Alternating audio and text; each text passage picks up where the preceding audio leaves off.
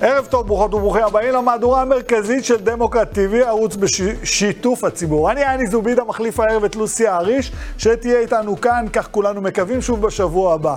הערב אנו נעסוק ארוכות במשפט נתניהו, בעקבות העדות המאוד סוערת של הדס קליין, עוזרו, עוזרתו לשעבר של ארנון מילצ'ן, שהיום ירדה לי פרטים בכל הנוגע לשמפניות והתכשיטים שסופקו לטענתה על בסיס מאוד קבוע לשרה נתניהו, וזאת אפילו אחרי שהחלו חקירות נגד אשת ראש הממשלה לשעבר. כמובן שהיא גם דיברה על הקשר של בנימין נתניהו לכל עניין המתנות. איתנו הערב עורך הדין דניאל חקלאי, עורך הדין אביגדור פלדמן וגם חן מענית מהארץ. לאחר מכן נעסוק בפוליטיקה, לא פחות חשוב. נדבר עם אורלי הדס, מנכ"לית ועדת הבחירות המרכזית. איתה נדבר על האתגרים החדשים של מערכת הבחירות הזו, מספר חמש בשלוש שנים. לאחר מכן נדבר עם ישראל פריי ועם טל שניידר וגם עם פרופסור שחר ליפשיץ, שיוכיח לנו שאין ימין ושמאל בישראל, אלא ימין, שמאל ומרכז. ולמרות שיש כאלו שהיו רוצים שתחשבו אחרת. לסיום, חבר הכנסת ולדימיר בליאק, יש עתיד, יגיע כדי לדבר איתנו על הדרך שבה יש עתיד מתכוונת להפוך למפלגה הגדולה ביותר, ואיך בדיוק אמור יאיר לפיד להרכיב את הממשלה הבאה, אחרי שלא הצליח לשמור על זו הנוכחית. הרבה דברים חשובים על הפרק, אבל אנחנו מתחילים ומתחילות עם משפט נתניהו ועדותה של הדס קליין. ערב טוב לעורך הדין דניאל חקלאי. היי, אני ערב טוב. מרחוק מצטרפים אלינו העורך דין אביגדור פלדמן. ערב טוב אביגדור, עוד רגע הוא יהיה איתנו, סליחה, וגם כתב המשפט של הארץ, חן מענית, ערב טוב חן. ערב טוב, ערב טוב. ברשותך, אני מתחיל עם אה, דניאל, שקצת אה, נדבר, תשמע, במשך שבועות כאלה ואחרים דובר רבות בעדותו של פילבר, עד המדינה צריך להגיד, אלו שמצדדים בנתניהו אמרו, מפרק את התיק לגורמים, אין תיק, תסגרו את המשפט, בואו נחזור הביתה. אלו כמובן מהצד השני אמרו, תראו, זו עדות מרכזית, תנו לדברים... אבל אז מגיעה הדס קליין. בוא תסביר לי רגע מה קורה בעדות הזו. אוקיי, okay, בניגוד לפילבר וגם אה, בניגוד לחפץ, שהם אה, עדי מדינה, ולכן אה, מלכתחילה האמינות שלהם מוטלת בספק, וגם בניגוד לפרשת 4000, שהיא אומנם פרשת שוחד מובהקת לכאורה, הכל כמובן לכאורה, אבל יש בה היבטים מורכבים שקשורים ברגולציה ולא תמיד קל להבין אותם. כאן בפרשת אלף הדברים הרבה יותר פשוטים, הרבה יותר מונחים על השולחן, אם תרצה, הרבה יותר לפנים. הדס קליין היא לא עדת מדינה, אין לה שום אינטרס. אני, אני רגע צריך כדי ללבן את זה, למרות שהצופות והצופים שלנו שומעים את זה הרבה. עד מדינה זה אדם שהיו נגדו חשדות שעשה כך וכך דברים לא לפי החוק, ונחתם איתו הסכם. אתה לא תלך לבית סוהר או תועמד לדין, ובתמורה תספק לנו עדות. נכון מאוד. אתה תקבל הקלה כלשהי, משמעותית, טובת הנאה משפטית משמעותית מהמדינה. למשל, לא יוגש כתב אישום, או יוגש כתב אישום מרוכך, או לא תלך לכלא, או תקבל uh, תקופת כליאה קצרה יותר. בתמורה אתה מתחייב להעיד כנגד נאשם מרכזי יותר, כנגד uh, מישהו שהוא בכיר ממך. זה מקובל לגבי ארגוני פשע, uh, זה מה שלמעשה uh, הכניס עכשיו uh, לשלושה מאסרי עולם ועוד שלושים שנה את יצחק אברג'יל אה, בפרשה 512 ועוד כיוצא באלה. כאן מדובר בעדה שאין לה שום אינטרס.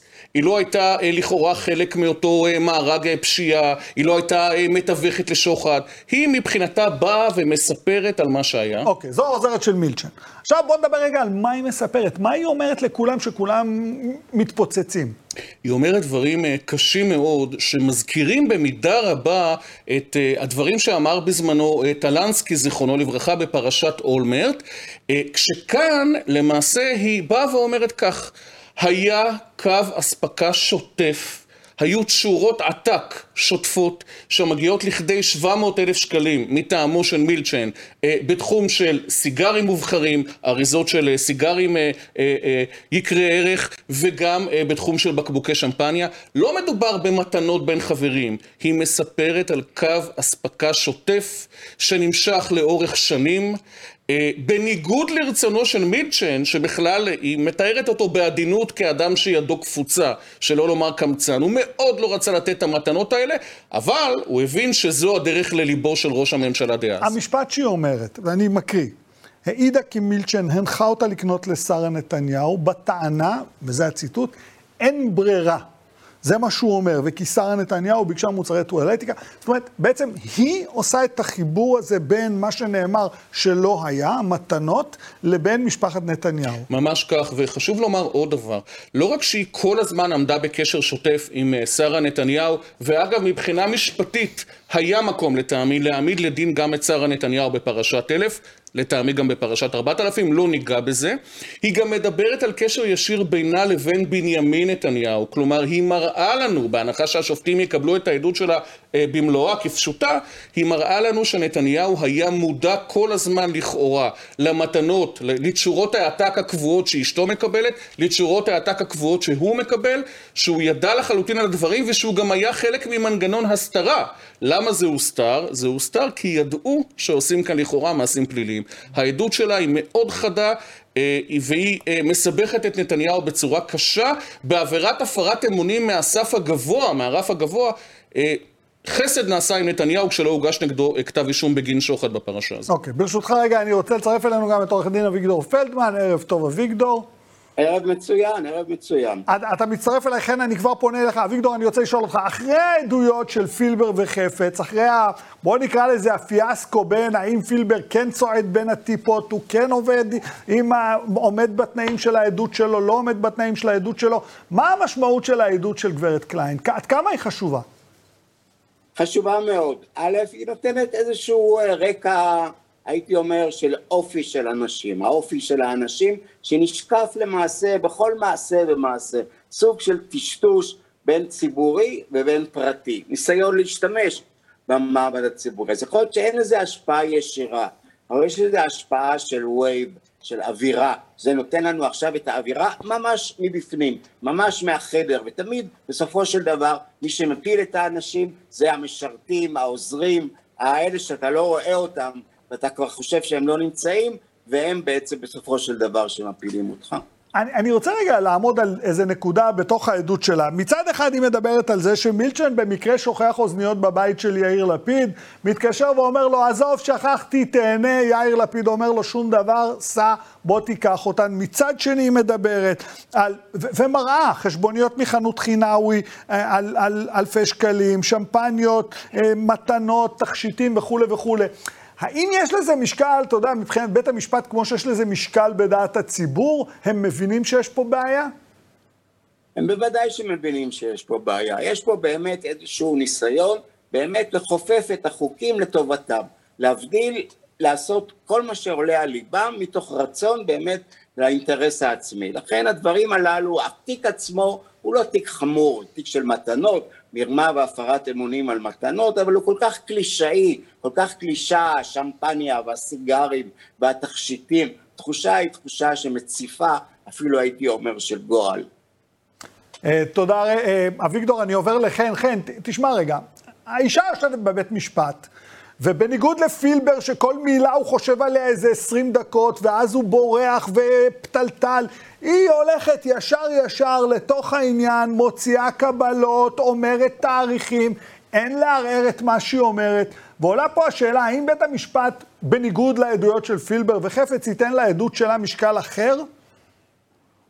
תראה, באופן עקרוני, אה, בית המשפט אה, נותן אה, משקל...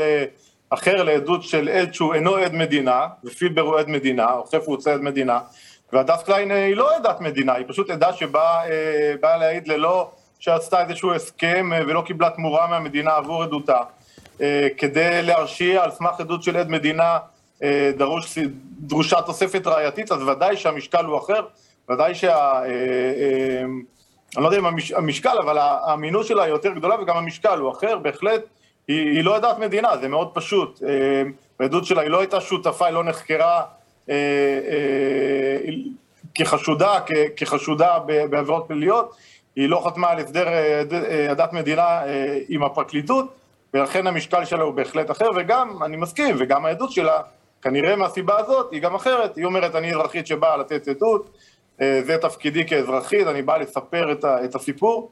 פילבר, לעומת זאת, מאוד כמובן אה, התפתל מעל דוכן העדים, אה, כמעט אה, נתן עדות כמי שכפאו שד, וכמובן גם הגרסאות שלו היו גרסאות די שונות בין העדות שהוא נתן במשטרה לעדות שהוא נתן בבית המשפט. כך שוודאי שיש הבדל, וודאי שהעדות של הדף קליין, לפחות עד עכשיו, היא נראית מאוד, אתה יודע, אני הייתי אתמול בבית המשפט, היא באמת באה, היא הייתה נרגשת בחלק מהזמן, ו, וגם היה, היה קטעים שהיא קצת דמעה עקב דברים שלטענתה אה, שרה נתניהו אמרה עליה, אבל בסופו של דבר היא באה וסיפקה את הסחורה מבחינת התביעה, דיברה כן. בביטחון רב, וניכר היה עליה שהיא אומרת אה, דברי אמת. כמובן תראה... שהיא גם הייתה מעורבת, היא זאת שבעצם העבירה את המתנות. העבירו את המתנות. כן, אני, אני, אתה אומר פה מילה, אמרת את השם שרה נתניהו, ואני צריך לשאול אותך, כי תראה, ממה שאני קורא, נתניהו אמר לה, תיתנו לשרה את מה שהיא מבקשת, מכיוון שזה מותר, אל תצטרפו לתקשורת. שרה מבקשת דברים, שרה אומרת ככה, תעשו ככה, ואני, אתה יודע, בתור בן אדם שהוא לא משפטן, שואל אותך, למה מקומה של שרה נתניהו נפקד מדוכן העדים? תראה, אה, שרה נתניהו היא לא נחקרה, למרות המעורבות הרבה שלה, גם בתיק 1000 וגם בתיק 4000, אה, היא לא נחקרה באזהרה כחשודה בתיק 1000, בתיק 4000 היא כן נחקרה כחשודה, אבל מנדלבליט החליט לא להעמיד אותה לדין לצד נתניהו, וחמישה פרקליטים בכירים מאוד, שי ניצן, ליאת בן ארי ואחרים, חשבו אחרת, חשבו ששרה נתניהו חייבת להיות נאשמת בתיק 4000, בגלל שבאמת אנחנו רואים בשני התיקים האלה, אני גם כתבתי על כך היום בהארץ, רואים בשני התיקים האלה, אה, גם ב-4,000 וגם ב-1,000, שבעצם ה... היה פה שותפות בעצם, גם אה, גברת שרה נתניהו, גם ראש הממשלה לשעבר, בנימין נתניהו, נהנו מטובות הנאה ומכל מערכת היחסים הזאת שנוצרה ביניהם לבין מילצ'ן ופאקר, אבל גם הזוג האלוביץ'. פה הם קיבלו מתנות, פה הם קיבלו, אה, לפי הניתן, סיקור מוטה לטובתם, או בעצם הכפפה של מערכת חדשות שלמה כמעט לטובתם.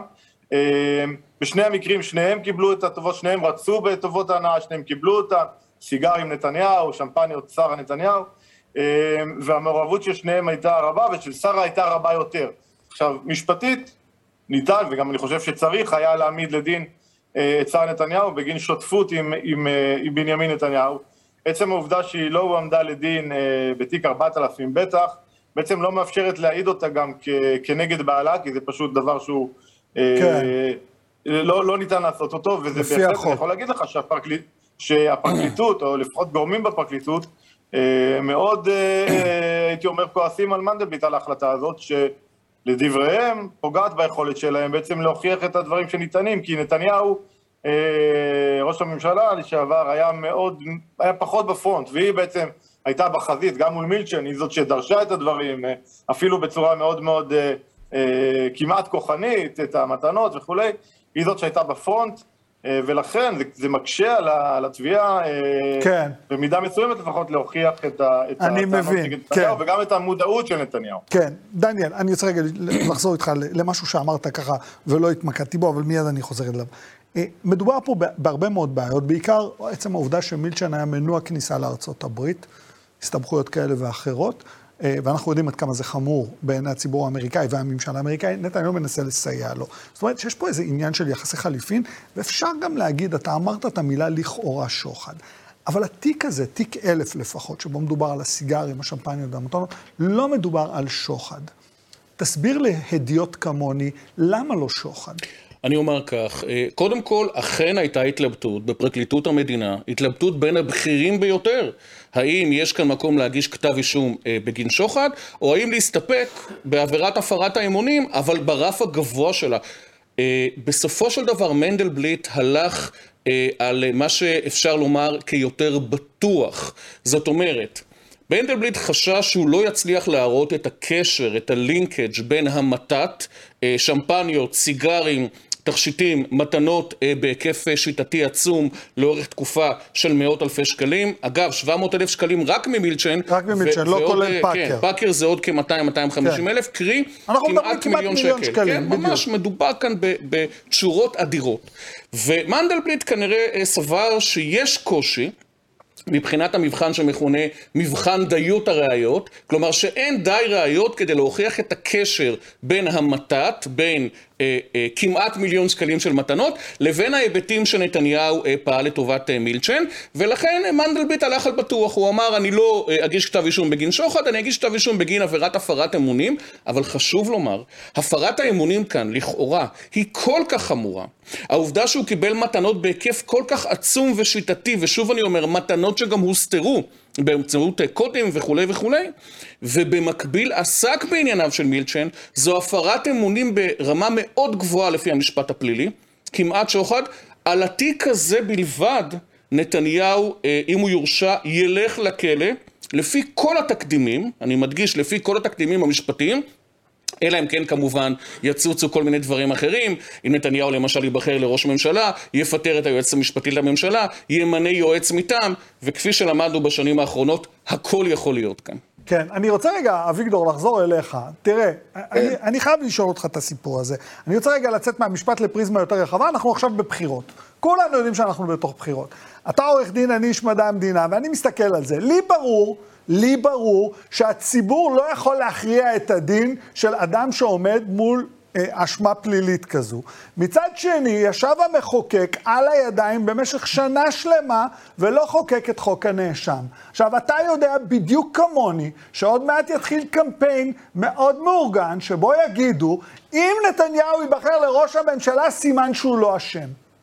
ואני רוצה רגע על הנקודה הספציפית הזאת שאתה תלבן לי את העניין, כי אני לא שמעתי על כזה דבר בשום דמוקרטיה מודרנית בעולם. כן, אה, נוצר באמת איזשהו אה, איחוד בין המשפט, או בין האשמה במשפט, ובין נתניהו כראש הממשלה. הדימוי שהציבור מקבל הוא אדם נרדף, אדם שהמערכת רודפת אותו, מגישה נגדו כתבי אישום, מנסה למנוע ממנו להיבחר על ידי העם שאוהב אותו. וזה הנרטיב שבאמת אה, משחק בעניין הזה, והוא מאוד מאוד כמובן בעייתי. למשל, אתה שומע באמת את מה ש... מעידים היום במשפט אה, של נתניהו. הרי זה, זה, זה מגעיל, זה, זה נורא. אנשים שיושבים, שגרים בדירות שניים, שלושה חדרים, פתאום שומעים על שמפניה, על וילה סמוכה, על מיליונר כזה, אבל זה לא עושה רושם על אף אחד. זה אף אחד לא מושפע מזה, אף אחד לא חושב שום דבר על זה. יש פה איזשהו באמת עיוורון מוזר, מתמשך וכרוני. אה, חן, אה, הדס קליין בעדותה גם דיברה על היחסים עם יאיר לפיד, שדווקא לא ביקש לקחת מתנות ממילצ'ן. אני מזכיר, אני מזכיר את הסיפור עם האוזניות, שנשכחו בטעות בדירתו של לפיד, ונאמר לו, אתה יכול לשמור. איך, איך זה מתחבר בתוך המשפט והאווירה הכללית? תראה, זה, כש, כשהדברים האלו נאמרו, אז uh, סנגורו של uh, נתניהו, עמית חדד, uh, התקומם וטען שזה... אה, פה הפרקליטות כאילו מערבבת את הדברים שאביגדור דיבר עליהם עכשיו, מערבבת בין ה... בין, כאילו נוקטת בעמדה פוליטית כביכול, כשהיא אומרת שבעצם יאיר לפיד, שגם היה חבר קרוב של מילצ'ן, אה, נהג אחרת ביחס לדברים האלו ולא קיבל מתנות והחזיר את המתנות שהוא קיבל. אה, בעיקרון זה היה תוך שטף הדיון והניסיון היה להראות סביב ה... גם סביב הדברים שמילצ'ן ניסה לקדם אצל נתניהו, סיפור הוויזה וכולי, שנתניהו נהג באופן אה, חריג. זה, זה הכל, זה לא איזשהו אה, עניין שהוא big deal בדיון, וגם אין לו הרבה יותר משמעות. גם השופטים תהו, אחד השופטים בר-עם תהה מדוע בכלל אה, נדרשים לזה. אבל לא אני מזכיר לך, אני מזכיר לך, חן, אנחנו בקמפיין בחירות, והשאלה ששאלתי את אביגדור מתחברת ישירות לתוך הדיון הזה. זה, זה, זה משהו קריטי. זה מראה שיש פוליטיקאי שלא עושה את זה, ופוליטיקאי שכן עושה את זה. תראה, אני לא חושב, אני, אני מסכים לגמרי, יכול להיות שזה מראה, אנחנו יודעים ש... זאת אומרת, ברור שזה מראה, וברור שיש פוליטיקאים שמתנהגים כך ואחרת, וההתנהלות של נתניהו כראש ממשלה, הוא גם בכיר הפוליטיקאים במשך שנים, היא נחשפת בתיקים האלו, ברור לגמרי. והתנהלות, אתה יודע, אפילו בלי קשר לשאלת הפליליות, אה, זה, זה, היינו מצפים אולי מהציבור שייקח את זה בחשבון יותר כשהוא בא לקלפי. כנראה שזה לא קורה. אני רק רוצה להגיד, להעיר אה, נקודה אחת, אני חושב ש... אחת הבעיות המרכזיות של התיק הזה ושל תיקים פליליים בכלל, זה, זה, זה, זה פשוט התמשכות תהליכים. זה שאנחנו שוב פעם נכנסים למערכת בחירות, אה, שבה יש לנו, אחד המועמדים המרכזיים לראשות הממשלה הוא בעצם נאשם במשפט פלילי שלא מסתיים ונמשך כבר שנתיים מאז שהוא התחיל, אה, אחרי חקירה רבת שנים ועוד יש אה, המון המון זמן עד שהוא יסתיים, זה דבר שהוא מאוד בעייתי. כמובן זה קורה גם בגלל חוסר היציבות השלטונית בישראל, שיש הרבה מערכות בחירות תכופות לצערנו כנראה, אבל, אבל ההתמשכות תהליכים והעובדה שמשפט פלילי צריך להימשך כל כך כן. הרבה זמן, בעיניי זה דבר שאי אפשר להשלים איתו. במיוחד במקרה של ראש ממשלה. לדעת, לקבל תשובה, אנחנו משלימים מזה, אנחנו רגילים לדבר הזה, אנחנו כבר התרגלנו שמשפטים, לא רק המשפט הזה, יש לנו עוד דוגמאות, נמשכים שנים, עכשיו השופטים יוצאים לפגרה עד, עד ספטמבר, ואז הדף קליין כנראה תמשיך להעיד רק אחרי הפגרה, ובעיניי זה בעיה מרכזית כן. של מערכת המשפט. גם רואים אותה טוב מאוד במשפט הזה. כן, אה, אה, דניאל, אני רוצה רגע לסגור את הדיון איתך. תראה, יש פה אוקסימורון בעיניי. אנחנו על סף להיות רפובליקת בננות. החקירות המתמשכות, החוסר רצון לשתף פעולה עם החוקרים, המשפט והדחיות החוזרות והנשנות של המשפט, ועכשיו אנחנו בתוך מערכת הבחירות, ואומר אביגדור, וגם אומר חן, תשמעו, זה בעייתי. עכשיו, יש סיכוי שבשני לנובמבר, או ב-20 לנובמבר, בנימין נתניהו יהיה ראש הממשלה ויעמוד לדין כראש ממשלה. אני, אני שואל אותך ברמה העקרונית, מה זה יכול לעשות לנו כחברה אל מול מערכת החוק? אה, קודם כל, אני חושב שכבר היום אה, אנחנו נמצאים אה, על אברי פי פחת מהבחינה הזו שבעקבות קמפיין שיטתי של שיסוי והסתה נגד המשטרה, נגד הפרקליטות ונגד היועץ המשפטי לממשלה, כולם אגב ראויים לביקורת ולעיתים לביקורת נוקבת, בכולם יש בעיות קשות, אבל הביקורת לא הייתה עניינית, לא הייתה ביקורת עובדתית, אלא ממש קמפיין של שיסוי שיטתי. של כזב שיטתי. בעקבות הקמפיין הזה, נכון להיום, אה, כמחצית מהציבור, וייתכן אפילו שיותר, בוודאי יותר בקרב הציבור היהודי, משוכנע שנתניהו נרדף, למרות שבסופו של דבר מדובר כאן במשפט פלילי שבאותה מידה גם היו יכולים לקרוא לו אה, שרת, או אשכול, או בגין, או שמיר. הקמפיין הזה של הרדיפה לטעמי החריב כאן בצורה מאוד עמוקה אה, את היכולת להבחין בין מציאות לבדיון, בין אה, אמת לשקר, בין עובדות לכזבים, אה, ויש לכך גם השלכה מאוד קשה מבחינת שלטון החוק. אני רק רוצה להזכיר, משטר דמוקרטי פירושו לא שלטון הרוב, אלא שלטון הרוב ובמקביל הגנה על זכויות המיעוט, על זכויות האדם ושלטון חוק. והמשמעות של שלטון חוק היא שלא הציבור קובע מי אשם ומי לא, רק בית המשפט. אני מתפלל, מתפלל, גם בגלל הנקודה הזו, גם בגלל היבטים אחרים, שנתניהו לא ירכיב את הממשלה הבאה. אחרת אנחנו במצב של אה, ניגוד עניינים תהומי בין נאשם שחותר לביטול משפטו לבין אה, אה, מדינה שאמורה להיות דמוקרטיה מתפקדת. עורך הדין דנאי חקלאי, תודה רבה שהצטרפת אליי. אה, אני חוזר אליך שוב, אביגדור, אני חייב לשאול אותך את זה. תראה, כמו שאמר דניאל, יש מצב שנתניהו חוזר לכס ראש הממשלה, ואנחנו שומעים את, את המועמד... חן מענית איתנו, אז אני אשאל את חן. חן, אה, יש מצב שנתניהו חוזר להיות ראש ממשלה, ומצד שני, גם אני וגם אתה שומעים את המועמדים האחרים בתוך הליכוד, מה הם אומרים על נושא המשפט? נדרוס, נהרוס, D9, נעשה... והשאלה שלי אליך היא, האם יכול להיות בעצם שהסיטואציה שתיווצר היא בעצם סיטואציה של לחץ משני צדדים על מערכת המשפט עד כמעט כדי כיליון של מערכת המשפט? תשמע, אני לא, אני לא אוהב נבואות זעם, אתה יודע, כיליון של מערכת המשפט זה, זה קצת ביטוי, אני חושב, מוגזם, אבל תשמע, כבר היינו בסרט הזה, ראינו כשאמיר אוחנה היה שר המשפטים, את הניסיונות אה, לאייש תפקידים בפרקליטות על ידי, אה, חלק האנשים היו ראויים יותר, חלק ראויים פחות, ראינו את ההתנהלות של נתניהו, את הניסיונות לבקש חסינות. אתה לא חושב שהאמירה כמו, אתה לא חושב, אתה לא חושב שאמירה כמו של יואב קיש, אמירה כמו של יואב קיש, אנחנו נחזור, אנחנו נפטר את היועצת המשפטית, נזרוק אותה, אם זה על עניין הרמטכ"ל או העניין הזה, חבר אחר שאומר, אנחנו נפרק את בית המשפט העליון, זה לא נראה לך אמירות שמביאות אותנו על הקצה? תשמע, לצ... לצערי אנחנו כבר בקצה הזה תקופה די ארוכה. אה, זאת אומרת, האמירות האלה, ברור שהן מאוד אה, חמורות, לא צריכות להיאמר, לא יכולות להיאמר. ברור שהן גם לא, לא מקריות, הן גם חלק מקמפיין, חלק מדבר שהוא אה, אה, מאורגן מאיפשהו, לא, לא מקרי, ניסיון בעצם. בסופו של דבר מה שמעניין את נתניהו זה, זה המשפט, אולי הסדר הטיעון העתידי ש... ש, שיגיע אחרי הבחירות אם הוא לא ייבחר, אה, ו, ו, וזה מה שמניע אותם. וכן, שמע, זה מאוד מדאיג, ו, והמצב הזה הוא מצב מאוד גרוע, ואני חושב שאחת המסקנות היא שהמשפט הזה צריך אה, להסתיים. צריך להסתיים, כן. אתה יודע, להסתיים, רצוי, רצוי בהכרעת דין. הבעיה שיש לנו עוד ערעור לבית המשפט העליון, והדברים מתנהלים כן. לאט מדי. חן מעני, תודה רבה לך שהצטרפת אליי, אני גם מודה לאביגדור פלדמן, ש...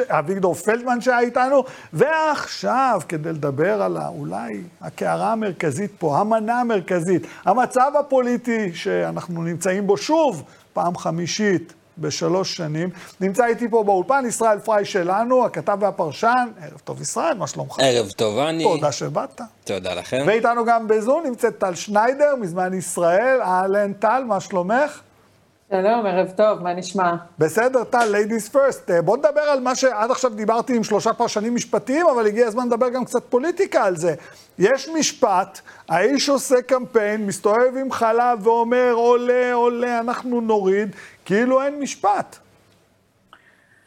תראה, הסיבוב עם, ה... עם הקיטורים בתחנות דלק על המחירים, כשברקע יש... שמפניות אה, וסיגרים, זה באמת, זה אולי אחת הבדיחות הכי גדולות של הפוליטיקה הישראלית. אני, אני, אני די משוכנעת שהציבור הישראלי פשוט לא כל כך מטומטם.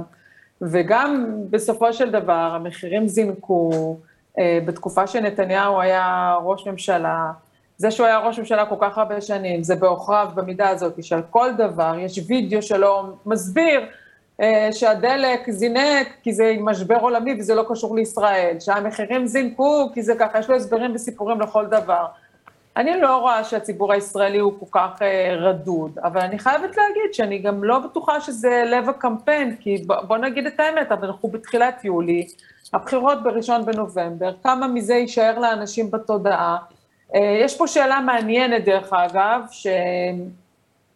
שהיא צריכה להיחקר אה, נגדית, אה, הדס קליין, העדות שלה ביומיים האחרונים היא, היא מטלטלת. לא שהיא חשפה משהו חדש, אבל לשמוע את זה ממנה, אני חושבת שזה מאוד מטלטל גם את העיתונות שיושבת בעולם וגם את מי שעוקב.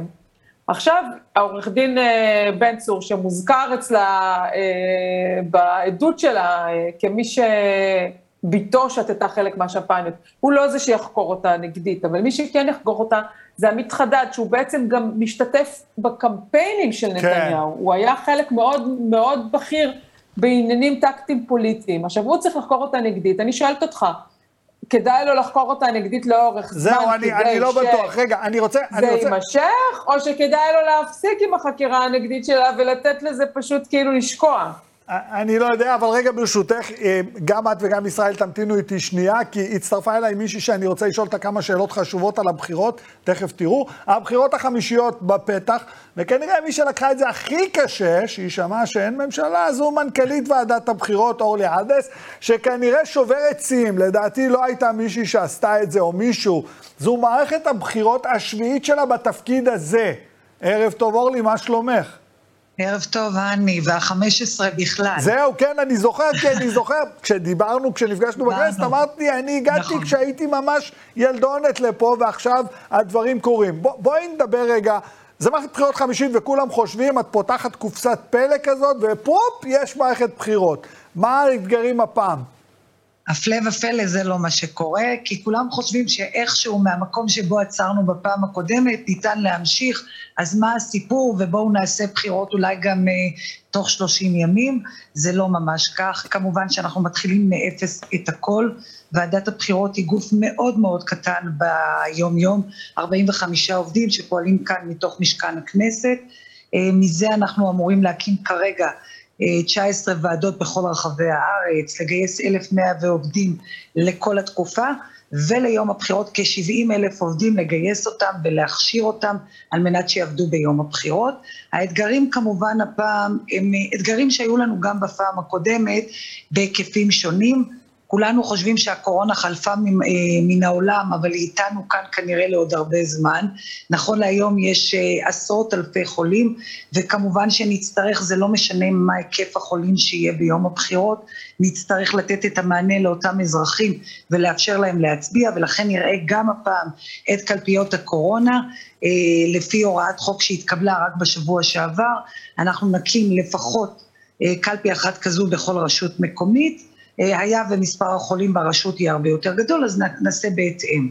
זה אתגר אחד. האתגר השני הוא כמובן האתגר של גיוס העובדים. כל מעסיק יודע שבימים האלה לא פשוט לגייס עובדים, לא כולם נעלים אה, כל כך לעניין.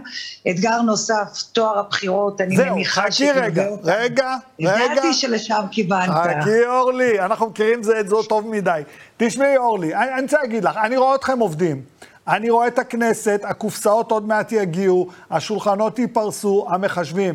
אתם את העבודה שלכם עושים, אבל מצד שני, יש אנשים, לא משנה מי הם, שכל בחירות אנחנו שומעים, זה לא כשר, ההוא עשה ככה, מאיימים על אנשים בקלפיות. איך אתם מתכוונים לשלוט בסיטואציה הזאת? כי את יודעת, זה כבר קרה כמה פעמים וראיתי אתכם מדברים על זה. איך הבחירות האלו אנחנו נהפוך את זה לשולי ולא על השולחן? אני חושבת שמערכת הבחירות האחרונה הייתה קצת שונה, הייתה לפניי כאן, ראיינת את טל שניידר והיא הייתה, אה, סיקרה את ועדת הבחירות ואני חושבת שהיא גם ראתה את הדברים הללו מקרוב. במערכת האחרונה הדברים נראו אחרת. יצרנו, לאורך כל המערכות הוספנו כל פעם נדבך נוסף במעטפת ההגנה על טוהר הבחירות, כאשר בפעם האחרונה עשינו את אה, מערך מפקחי טוהר הבחירות שהחל ב... אה, היקף מצומצם יותר במערכת הבחירות השנייה והתרחב והגיע לכל קלפי ברחבי המדינה במערכת האחרונה, על זה הוספנו שני מזכירים, אה, הייתה יותר מעטפת של משטרת ישראל, כל הדברים הללו יחד ועוד מספר דברים שעשינו גם בציוד הבחירות, יצרו בעצם מעטפת הגנה שלמה להגנה על טוהר הבחירות וזה הוכיח את עצמו כי במישור העובדתי כאשר אירעו אירועים במהלך יום הבחירות, הם הוצפו לנו בזמן אמת, יכולנו לטפל בהם באותו הרגע, לפני שהם מתפתחים לאיזשהו אירוע דרמטי וגדול שיכול להגיע לכדי אה, פגיעה בתוצאות הבחירות או שיבוש בהם. אה, בנוסף, זה הרתיע, היו הרבה פחות אירועים, זה קרה במישור ההרתעתי. אני קצת מתקשה לראות אנשים שרואים מפקח שעומד עם מצלמה במשך כל שעות ההצבעה, ולמשל מנסים להכניס 30 מעטפות הצבעה לתיבה. כן, דברים אורלי. כאלה לא הראו. כן. אורלי, אני רוצה לדבר איתך על הנושא האחרון, וזו שאלה קריטית. תראי, כולם, ואת יודעת את זה בדיוק כמוני, כולם מדברים על אחוזי ההצבעה בקרב האוכלוסייה הערבית. כולם מדברים על זה שבעצם זאת כנראה תהיה האוכלוסייה שתכריע את הבחירות האלו, גם מימין וגם משמאל. ושאלות שעולות, שאלות של נגישות, שאלות של אחוזי השתתפות, שאלות של מוכנות, האם אנחנו בעצם, הוועדה מוכנה לעשות את העבודה כמו שצריך שם, יש מוכנות מיוחדת בבחירות האלו, אולי אנחנו, ואנחנו יודעים, יש ניסיונות לדכא הצבעה בקרב האוכלוסייה הערבית, איך הוועדה מתכוננת למה שקורה? קודם כל, בכל המגזרים, בכל רחבי מדינת ישראל, פורסות קלפיות לטובת כלל המצביעים, ללא הבחנה בין המגזר אליהם הם משתייכים. זה דבר ראשון. לגבי עידוד אחרי ההצבעה, בפעם הקודמת עשינו קמפיין מאוד מסיבי, גם בשפה הערבית, קמפיין ייחודי שהיה, אה, וקמפיין בעברית, עדיין לא גיבשנו את הקמפיין הנוכחי, אבל אני חושבת שראוי גם שגם אה, שולח, אה, אותם נבחרים של אותו ציבור יעודדו גם את ההצבעה, אנחנו נעשה גם את ה... אה, מבחינתנו את כל מה שניתן, ואני מקווה שבאמת כל אזרח ימצא את דרכו אל הקלפי ויבין אני, שזה משפיע על כל אחד מאיתנו. אני חייב לשאול אותך, אורלי, בעקבות הדחיפות וכל השיח סביב ההצבעה של האזרחים הערבים, לא, יהיה, לא תהיה השגחת יתר בתוך האוכלוסייה הערבית, זה, זה יישאר אותו דבר, נגישות הקלפיות, כמו שאר האוכלוסייה בדיוק? אין השגחה מיוחדת בקלפיות אה, של המגזר הערבי, אנחנו מתייחסים באופן זה לכל הקלפיות, אין שום הבחנה בין, ביניהן, ואם יש יכולת להנגיש יותר קלפיות במגזר, וזה לא קשור למגזר אלא זה קשור למבנה הפיזי שבו הן נמצאות, היה והמבנה מתאים, אנחנו מנגישים אותו ועושים את כל מה שניתן. לגבי הפזורה הבדואית אנחנו יודעים שיש בעיה, הבעיה היא בכך שהאזרחים הללו לא רשומים, אין להם כתובת, לכן הוועדה משבצת אותם לקלפי הכי קרובה למקום שבו הם רשומים. אה, למשל אני אתן לדוגמה את שבט עזזמה בפזורה הבדואית, שבט ענק שמתפרס החל משגב שלום, ממשיך לירוחם, אה, מצפה רמון, ירוחם, שטח עצום של עשרות קילומטרים, האנשים האלה רשומים כשבט, כן. שבט עזזמה, אין להם כתובת, לכן אנחנו משבצים אותם בשגב שלום. אנחנו נשתדל גם להוסיף יותר קלפיות שם בפזורה הבדואית, בכל אה, מרכזי השירות, ואני מקווה שזה יסייע. כן, אורלי הדס, אני רוצה להודות לך. אנחנו נתראה בראשון לנובמבר בלילה, ובשני לנובמבר בבוקר כשאני ארוץ לבקש ממך תוצאות מכל הקלפיות. אנחנו, בהחלט. מקווה שנגיע לשלום אה, עד שם, בשלום. אנחנו כולנו תקווה. תודה, אורלי, בהצלחה. תודה רבה, אני. ערב טוב. ערב מבורך. ישראל, אה, שמעת את זה. כן, ש... האמת שלא רבים יודעים, אבל עבודת ועדת הבחירות שכבר התחילה משפיעה מיידית על התקשורת בישראל, וזאת כיצד? בכנסת, כמו שאתה יודע, אני, אתה בדרך כלל יושב בערוץ הכנסת, במשרדים המרווחים שלכם, אבל יש איזשהו פרוזדור.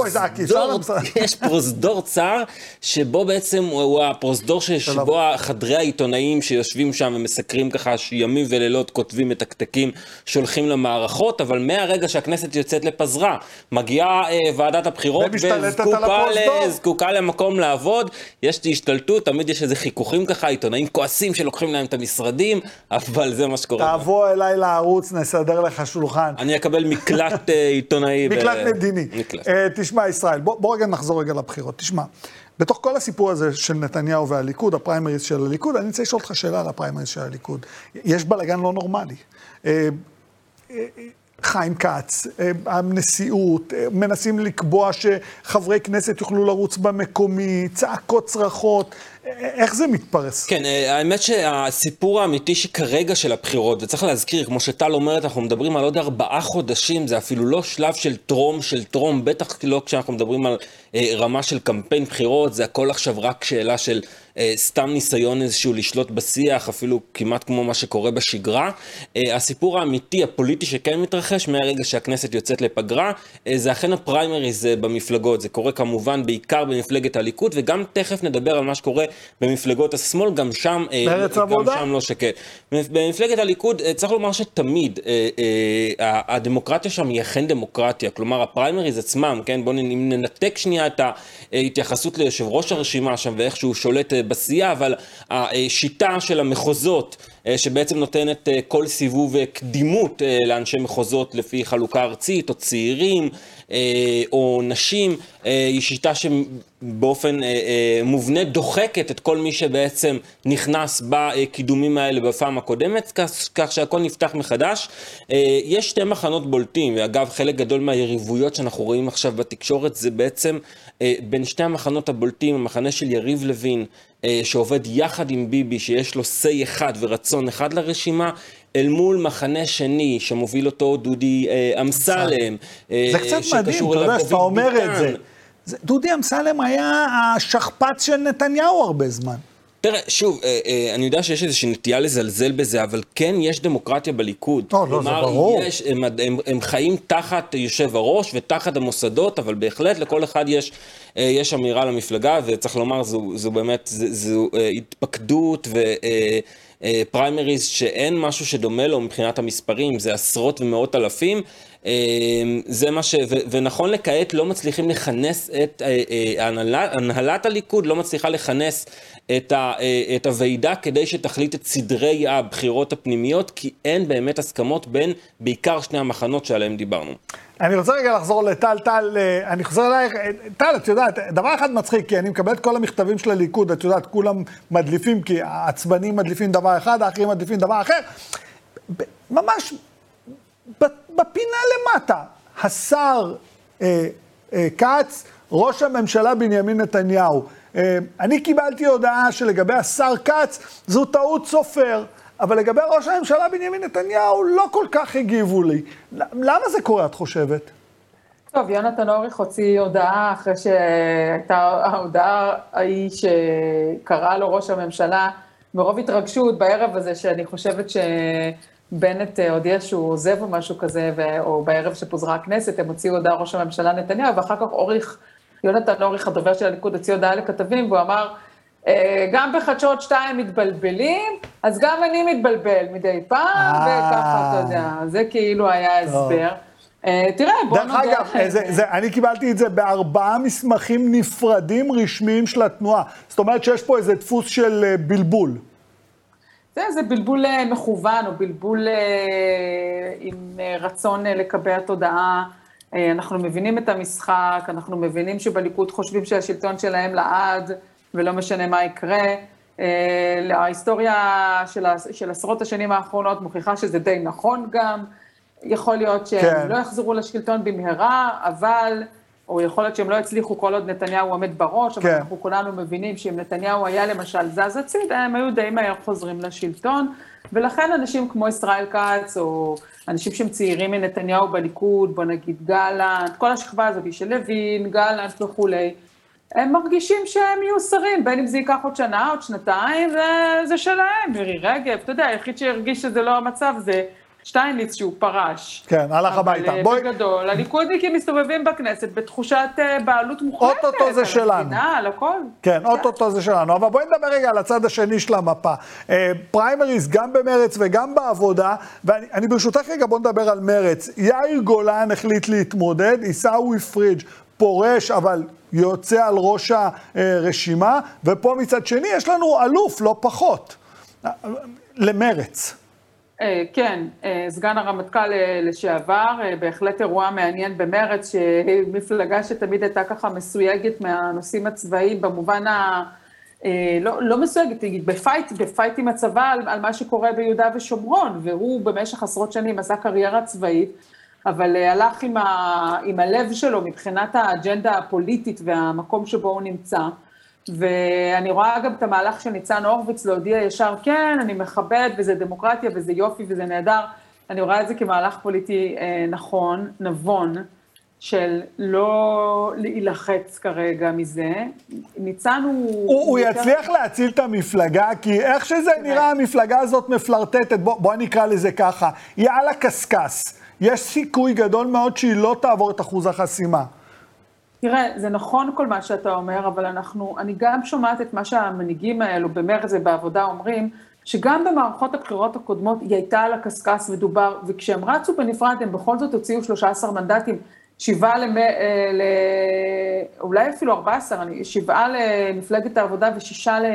למרץ, אולי שבעה, אני לא בטוחה. זאת אומרת, הט... הטענות העובדתיות לא ממש מסתדרות בסופו של דבר. גם בקמפיין הקודם, שתי המפלגות היו ארבע, חמש, היה לחץ מאוד גדול. Uh, תראה, אם מרב מיכאלי תצליח להביא את גיידי אזנקוט, אז יכול להיות שיהיה שם איזשהו, uh, לא להביא אותו למקום ראשון, להביא אותו למקום שתיים, יכול להיות שיהיה כן. שם איזשהו נהירה מסוימת, ונראה, אני, אני לא בהכרח חושבת אוקיי. שהאיחוד הזה הוא כזה נכון. כן, רגע, ישראל, אני רוצה לשאול אותך דווקא על מפלגת העבודה, כי ככה טל הכניסה אותנו. במפלגת העבודה גם כן, אה, רחש בחש, החיילים מסתדרים, אצבעוני, אה, ערן חרמוני, מזכ"ל המפלגה, זורק את כובעו באופן מוצהר לתוך הזירה ואומר, יאללה, בואי נראה. את אולי פופולרית בציבור, אבל בתוך המתפקדים אני לא פחות פופולרי. נכון, אז אה, מה שאנחנו כבר יודעים, עוד לפני שהפריימריז אה, נפתח, זה שמי שתהיה יושבת ראש מפלגת העבודה הבאה, היא אותה אה, מרב מיכאלי. אין שמץ של ספק על המקום הזה, גם אם יגיע אה, אה, פוחלץ, או יצמח מהשמיים, או יבוא מהקרקע. אה, מרב מיכאלי אה, היא זו ששיקמה את המפלגה. אין עוררין, לפחות במנגנון הנוכחי, אה, אה, היא זו שתוביל. רק השאלה היא בעיקר על זהות הרשימה. צריך לזכור שהפריימריז הקודמים בעבודה, ואלה שזכו בה, אה, זה קצת היה, יעני, אם אתה זוכר, זה היה די אקראי כזה. מפלגת העבודה אז הייתה ממש חבוטה, ספק בכלל אם קיימת. לא ידעו שתעבור אחוז חסימה, נכון? פריימריז חפוזים כאלה שהיו אחרי עתירה, אה, והרשימה ככה, אה, ככה, אה, גם כאלה שלא, בוא נגיד, לא היו בעלי סיכוי גבוה מדי, הצליחו להשתחל, הסקרים לא מחמיאים, צריך לומר, חרף הביטחון שמשרה מפלגת העבודה, הסקרים לא מחמיאים, דווקא אחרי קדנציה כזו שמפלגת העבודה הייתה חלק מהממשלה, מנדטים. וצריך לזכור שבניגוד למרץ, העבודה לא סוחבת את נקיפות המצפון, כלומר למרץ, ל-DNA שלה עדיין קשה איך לש... אתם יושבים בממשלה שעושה את הכיבוש ותומכת בעצם במדיניות ימין. למפלגת העבודה אין את נקיפות המצפון המפלגה האלה. שכבשה הכי הרבה הם שטחים. היו בתוכו, הם גם לא עשו שום קונצים ל- אה, אה, לקואליציה, הם לא סיכנו חלילה את ממשלת, אה, את, את, את, את ממשלת השינוי, אה, ועדיין הם בסקרים לחמישה-שישה מנדטים. צריך לומר, היום אה, כולם מחזרים אחרי מרב מיכאלי שתסכים להתחבר עם מרץ. לא בטוח שהמצב הזה יישאר, יישאר אותו דבר. כן. ייתכן שגם אה, תתחיל לחוש את נחת זרועה של אחוז החסימה. וגם של יאיר לפיד. אני רוצה להודות לשניכם, טל שניידר, ישראל פריי, תודה רבה שהצטרפתם אליי. תודה רבה. ועוד הרבה דברים טוב. יש לנו לדבר על הבחירות, זה לא ייגמר לילה טוב. ועכשיו אני רוצה להגיד ערב טוב גם לפרופסור שחר ליפשיץ מאוניברסיטת בר אילן, שיביא לנו ממצאים שמוכיחים שיש כזה דבר, שמאל, ימין, אבל חשוב מהכל, מרכז. לפחות על פי חלוקת המצביעים הישראלים. ערב טוב, מה שלומך, פרופסור ליפשיץ? ערב טוב, שלומי בסדר גמור. בוא, בוא נדבר רגע על הממצא המרכזי שאתה מביא לנו. מה זאת אומרת יש מרכז? אני יודע שיש מרכז, אבל על איזה מרכז אתה מדבר? אז בואו נלך אה, שני צעדים אחורה, צעד אחורה. אנחנו בקונגרס הישראלי השקנו קבוצת חוקרים, מדד שנקרא מדד הסכמות, שבמסגרתו אנחנו בודקים אה, לכידות וקיטוב בחברה הישראלית, ובין היתר אנחנו עושים את זה באמצעות שאלות עד כמה אתה מוכן לשתף פעולה עם שחקן בקבוצה אחרת, עד כמה אתה רואה בקבוצה אחרת איום, עד כמה תרצה לגור לידו, להתחתן איתו וכדומה. ועברנו את, ה, את המדד הזה כבר כמה סבבים, מי שמובילה את הקבוצה היא, חשוב בשביל הקרדיט האקדמי, היא דוקטור אה, יוליה אלעד שטרן, והעברנו את ה... את השאלון כן, אבל אה, פרופסור ליפשיץ, בוא, בוא רגע נדלג רגע ברשותך על הטכניקה ונדבר על הממצאים. לא, לא, לא, בשביל, אני, אני מגיע לזה במהירות, אני מבטיח. בוא, בוא. כן, כן, אל תדאג. קצת מודאג. כן, אז אז גילינו ממצאים מאוד מאוד מדאיגים לגבי כך שבאמת יש קיטוב משמעותי מאוד, ושתי קבוצות שלא רוצות להתחתן זה בזה, לראות אחד את השני מאוימות. זה ברור אבל... לכולנו, כולנו מסתובבים בחברה הישראלית. לאט לאט, אבל כשהפעלנו אה, מנגנונים מורכבים של למידת מכונה, גילינו שיש קבוצה שלישית, שהיא לא מרכז או חולות נודדים, אלא היא קבוצה שח... שבנושא הליבה היא לפעמים ימנית ולפעמים שמאלנית, אה, נניח מבחינה דתית, הם מסורתיים הרבה פעמים, אבל לא רק. ומה שמאפיין את הקבוצה הזאת זה לא שהיא שונה מה, מהקבוצות האחרות בדעות שלה, של ימין-שמאל, אלא בעובדה שהקבוצה הזאת רוצה לחיות גם עם מי ששונה ממנה, שהקבוצה הזאת, אם נניח בסטריאוטיפ אפשר להגיד שאחת הקבוצות אומרות שישראל תהיה מדינה יהודית ולא דמוקרטית, ובטח לא ליברלית. אבל אני, אבל אני רוצה לשאול אותך, פרופסור ליפשיץ. לכן מה... הקבוצה הזאת היא מאוד חשובה, כי זאת קבוצה שהיא... ש- שהיא לא... אז רגע, רגע, שנייה, שנייה. אלא היא קבוצה מובחנת. פרופסור ליפשיץ, בוא רגע שנייה, בוא, בוא תסביר לי למה היא, חשובה, מה הגודל של הקבוצה ולמה היא חשובה, אבל לליבה. למה היא חשובה ומה הגודל? למה היא חשובה? כן.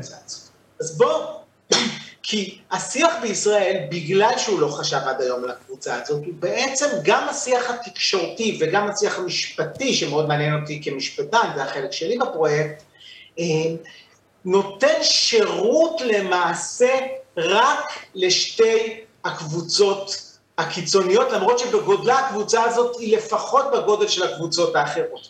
בכל שיח תקשורתי אנחנו מוצאים אה, אה, עמדות קיצון, אבל אנחנו לא מוצאים את העמדה שאומרת, חשוב לי להבין לעומק את שתי. את שני. כן, אבל, אבל פרופסור ליפשיץ, אני... במישור אני, המשפטי. אני אסביר... בוא נדבר רק רגע, רגע, רגע, שנייה. במישור המשפטי. רגע, שנייה. אני... אבל המישור, אתה תלך למישור המשפטי, אתה תאבד עוד הפעם את הקבוצות ואת הציבור. תן לי רגע. בתור איש תקשורת, אני אומר לך, לא מעניין אותי שתשב פה קבוצת אמצע. אתה רוצה שתעניין אותי שתשב קבוצת אמצע? שתייצר לעצמה זהות ותייצר מפלגה שתהיה איתה בפוליטיקה, ואז במקום שיהיה פה שמאל-ימין, יהיה פה שמאל, ימין, מרכז. כל עוד היא לא נמצאת בפוליטיקה, ואני לא רואה אותה בפוליטיקה, וזו השאלה האחרונה, למה היא לא שם?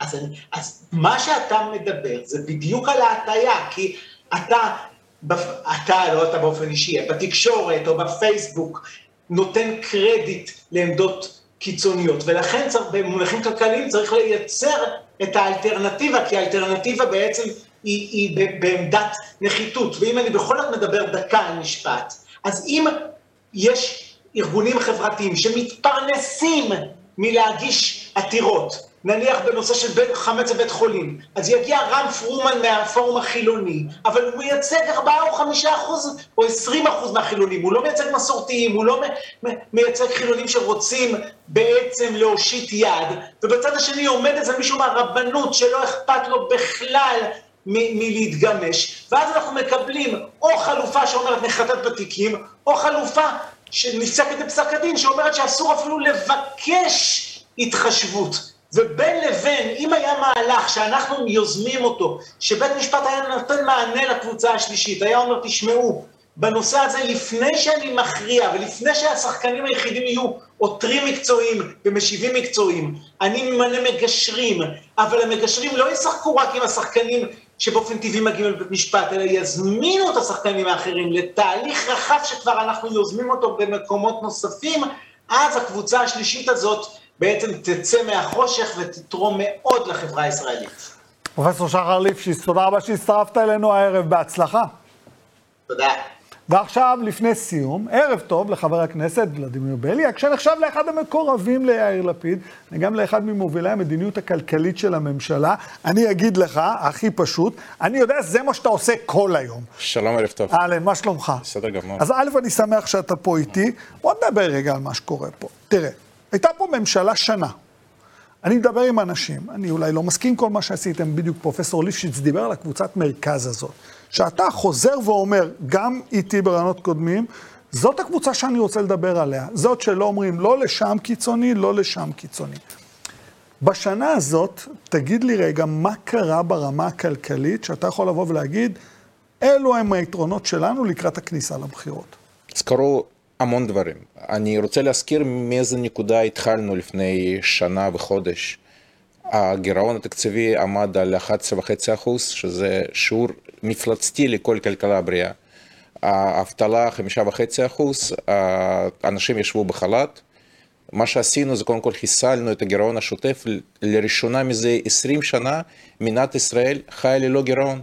האבטלה ירדה ל-3.4, החזרנו את האנשים לשוק העבודה, טיפלנו בקורונה ללא סגרים, נתנו פיצויים לעצמאים בגין גל אומיקרון, אגב המערכת נפתחה אתמול ועצמאים מוזמנים להגיש בקשות, אבל יותר חשוב, למה יקר פה? והיה יקר לפני שנה ומשבר הדיור, כי השוק שלנו הוא מעוות. והדבר הכי חשוב שעשינו, מעבר להעברת התקציב, העברנו במסגרת חוק ההסדרים ואחרי חוק ההסדרים המון רפורמות שאמורות לתקן את המצב, רפורמות היבוא. ורפורמת הרגולציה ורפורמת הכשרות והסכם עם החקלאים שחתמנו לפני יומיים. המון המון צעדים שבסופו של דבר ישנו לחלוטין את המציאות הכלכלית. איפה הבעיה? אנחנו חלק מהכלכלה הגלובלית. יש לזה יתרונות ויש לזה חסרונות. החיסרון שברגע שיש גל אינפלציה עולמי ואנחנו חיים היום בגל אינפלציה עולמי, אז גם אנחנו חוטפים. אז חטפנו את זה בדלק, כי אנחנו בדלק תלויים לחלוטין במחירי הנפט, וחטפנו את זה בחשמל ובמחירי הסחורות ובשינוע ועוד, ועדיין כל הרפורמות שהעברנו ונכנסות עכשיו לתוקף, גם רפורמות היבוא וכל הרפורמות שמניתי לפני אה, הרגע, הם ישנו לגמרי, אני מאוד מקווה שכבר עד תום, עד הבחירות, אנשים כבר ירגישו את זה. תן לי רגע להגיד לך כן. משהו. ישב פה, mm-hmm. ברעיון שישודר מחר, פרופסור אבי שמחון, והוא אמר לי את הדברים הבאים, תשמע, זה הכל חרטא. בשפה שלי לא הוא אמר חרטא. הוא אמר, תראה, אנחנו פה במשך כל שלטון נתניהו, יצאנו מהקורונה כמו שצריך, הכנו, כל המדדים שמביאים לך כולם, זה בעצם עבודה שלנו, שהם היום מתענגים עליה, ותראה מה הם עשו, יוקר המחיה בשמיים. הוא אומר, תן לי ארבעה חודשים, אני מסדר את משבר. פרופסור שמחון והבוס שלו, היו פה 12 שנה. פרופסור שמחון לפני שנה, או לפני שנה וחצי, אמר שהתקציב זה פטיש. אני לפני, בכל התקופה הזאת, נפגשתי עם כל ראשי הרשויות, עם המון ראשי רשויות, עם בכירי המשק, ואין אחד שלא אמר, שלא אמר לי שהתקופה הזאת ללא תקציב, עם התנהלות פיסקלית באמת מופקרת בכל הרמות, עשתה נזק בלתי יתואר לכלכלה שלנו. אז אני מבין שפרופסור שמחון, שהוא איש כלכלה מכובד, הוא עכשיו מועמד בפריימריז בליכוד, אכן כן. אז הוא חייב להתאים את המסרים שלו לקמפיין המגוחך של נתניהו. אבל בין זה לבין כלכלה אמיתית אין שום דבר משותף. הוא אמר, תראה, הוא אמר, ואני אני רוצה כן להתמקד איתך בתקציב, כי כשאנחנו דיברנו מזמן, כשנכנסת לתפקיד, כן. אמרת לי, התקציב הוא קריטי, ואנחנו רוצים. להעביר תקציב, והעברתם תקציב. אומר פרופסור שמחון, מה זה משנה תקציב או לא? הוא אמר, הוא אמר, היה צריך כסף לתשתיות, לקחתי, הבאתי כסף לתשתיות. היה צריך כסף, ועוד הוא מוסיף, הוא אומר, תראה, עכשיו יש להם תקציב, יש לנו יתרות תקציב, במקום לקחת ולהוריד את מס הבלו ולהוריד את מחיר הדלק, הם מתעקשים לעמוד במסגרות, והם עכשיו מכבידים על הציבור. אני שואל הרי, מצד אחד, העברתם תקציב, הם לא הצליחו להעביר תקציב, מצד שני, לא שהם לא הצליחו, הם ויתרו על העברת התקציב כדי לשרת את האינטרס הפוליטי הצר של נתניהו. זה צריך לזכור. מובן? כי אם היו מעבירים תקציב, אז בני גנץ היה היום ראש ממשלה. עכשיו, למה הם לא העבירו תקציב? כדי לא, לא לקיים את הרוטציה, וזה היה נזק בלתי יתואר לכלכלה ש, שלנו, רק בגלל זה. זאת הסיבה, אין סיבה אחרת. עכשיו, למה תקציב חשוב? אנחנו כל אחד במשפחה מנהלים את התקציב המשפח... המשפחתי שלנו, נכון? איך הכלכלה פה התנהלה בשנתיים האחרונות של נתניהו? איך הגענו לגירעון של 200 מיליארד שקל? 200 מיליארד שקל. כל היתרות שיש לנו היום, כן? זה לא באמת יתרות, אנחנו רק מצמצמים את הגירעון המצטבר של מדינת ישראל. הגענו כמעט לטריליון שקל גירעון. איך הגענו אליו? בהתנהלות המופקרת שלהם, בכל הכספים שהם פיזרו פה בתקופת הקורונה מהמסוקים. אנחנו עצרנו את זה, אנחנו מתנהלים בצורה אחראית, אומר גם במשרד האוצר. כן. אומר לי שמחון, תראה, אצלנו אנחנו החזקנו את מחירי הדיור, הם לא קפצו כמו בשנה האחרונה. איך, תקשיב, מחירי הדיור עלו ב- בשיעורים מטורפים. זה נכון שבשנה האחרונה העלייה הייתה יותר מואצת. מדוע? כי בשלוש שנים האחרונות הם בכלל לא עסקו מאז שכחלון עזב. אף אחד לא עסק בכלל במשבר הדיור. עכשיו, למה המחירים עולים? כי כל תקופת נתניהו, אנחנו כל שנה בנינו בין 45 ל-50 אלף, עם, עם הביקוש של 70-80 אלף- אלף כל שנה. אז נוצר הגירעון. בשנה שעברה, כבר בשנה שעברה, חצי שנה אחרי, אחרי כינון הממשלה, כבר התחלנו עם 66 אלף התחלות ב- ב- בנייה. השנה זה אמור להגיע ל-79 אלף. בסופו של דבר אין פה אה, פתרונות קסם. צריך לבנות ולסגור את הגירעון. ומעבר לזה, כן, אנחנו גם העברנו עכשיו התיקון לחוק המכר שמתקן את ההצמדה בעצם שהקבלנים חגגו עליה בשנה האחרונה ובשנתיים ובשלוש. והעברנו תיקון למס רכישה. אנחנו מטפלים בכלכלה אמיתית. זה נכון שאי אפשר לתקן את כל התוכלות בשנה אחת, אבל שפרופסור שמחון עכשיו, עם כל ההפקרות שלהם, הוא יעביר עלינו ביקורת, זה טוב לפריימריז בליכוד, לא לכלכלה אמיתית. אני צריך לשאול אותך שאלה, אין לנו הרבה זמן, אתה יודע, אני נהנה לדבר איתך, ואני אני חייב לשאול אותך שאלה. אתה, אתה מסתכל על הקמפיין, אני יודע איך אתה מדבר ואיך אתה מתנהל, ו- ואתה אף פעם לא אמרת דברים שהם פוגעניים, אתה, אתה מתנהל בצורה מאוד מאוד שקולה. אתה שומע את יואב קיש אומר, אם אנחנו חוזרים והם ממנים רמטכ"ל, אנחנו מעיפים את היועמ"שית. אתה שומע מישהו אחר אומר, אנחנו נגיע, אנחנו נדרוס את השמאל. אתה שומע מישהו אחר מגיע, אנחנו נהרוס את בית המשפט. נשבור את העצמות. כן, עכשיו, אני, אני שואל אותך, כמישהו, אתה יודע, שהיה אזרח, אחד מהשורה, אחד מאיתנו, והופך לחבר כנסת, אתה מסתכל ואתה חלק מהמערכת הזאת, ואתם לא מגיבים בינתיים. איך זה נתפס בעיניך, כל השיח הזה? זה שיח שהוא נוראי. זה זה שיח שהוא נוראי, והוא בא מבית מדרשו של נתניהו. אנחנו ראינו את זה במליאת הכנסת בשנה האחרונה. אני ששנים חלמתי להגיע לכנסת, אני היום לא אוהב להיות במליאה. למה? בגלל השיח הנמוך הזה. אבל מעבר לש- לשיח, הרי אנחנו היום בעצם, אנחנו יש עתיד כמפלגה הגדולה בקואליציה, אנחנו המחסום האחרון בפני הממשלה הרעה שלהם, ממשלת בן גביר, סמוטריץ', נתניהו. איך אני יודע שזו ממשלה מסוכנת? הם אומרים את זה. אנחנו נשבור את העצמות, אנחנו נפטר את היועצת המשפטית לממשלה, נהרוס את מערכת המשפט, המטרה כמובן זה לעצור את המשפט של נתניהו. אבל מעבר לזה, כל פגיעה במערכת המשפט, בסופו של דבר, בראש ובראשונה, היא לא תפגע בפוליטיקאים מהקואליציה או מהאופוזיציה, היא תפגע באזרח הפשוט, בזכויות שלו. אז אני חייב לשאול אותך, חבר הכנסת. בליאק, הייתה לכם שנה, לא חוקקתם את חוק הנאשם, למה? זה, זה מאוד פשוט, כי היה וטו של מפלגת ימינה. כל השנה. וב- ובסוף, אם אתה מתנהל בקואליציה, אתה לא מעביר חוקים על הראש של השותפים שלך. עכשיו, ברגע האחרון, נפתלי בנט בעצם הסיר את הווטו, המושב כבר נגמר, לא היה זמן. אז, אז אני חושב שמדובר בנורמה ערכית ומוסרית מאוד חשובה. אני מקווה שבכנסת הבאה אנחנו נוכל לחוקק אותה. זהו, אני, אני חייב לשאול אותך. הקואליציה הבאה לא תהיה הרבה יותר שונה מהקואליציה הזאת, איך שזה נראה.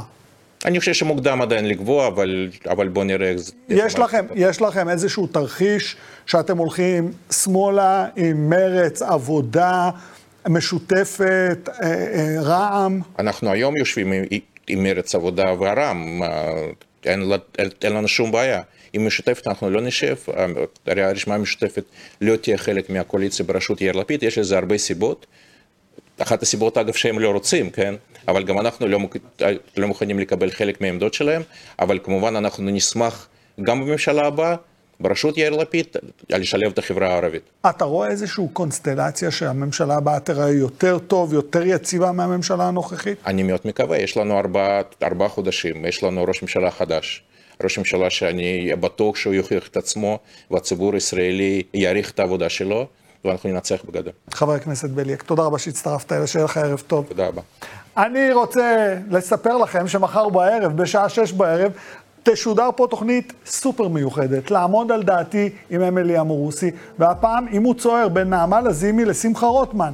מיד לאחר מכן, בשעה שש ועשרים, אני חוזר לכיסא הזה עם תוכנית מיוחדת בנושא יוקר המחיה, כדאי לכם, כולל הרעיון הסופר מדובר עם פרופסור אבי שמחון. אז נתראה מחר. אני רוצה גם הערב להודות לכולכם, לצופים ולצופות, לשותפים שלנו בדמוקרט TV. התוכנית והערוץ הזה אפשרי אך ורק בזכותכם ובזכותכן. בימים כמו אלו, כפי שראיתם, הולכת ומתחדדת החשיבות של ערוץ תקשורת שלא מפחד להביע עמדה נחרצת בעד הדמוקרטיה ובעד שלטון החוק, בעד מאבק בשחיתות ובעד מגוון של דעות. לילה טוב, נתראה מחר.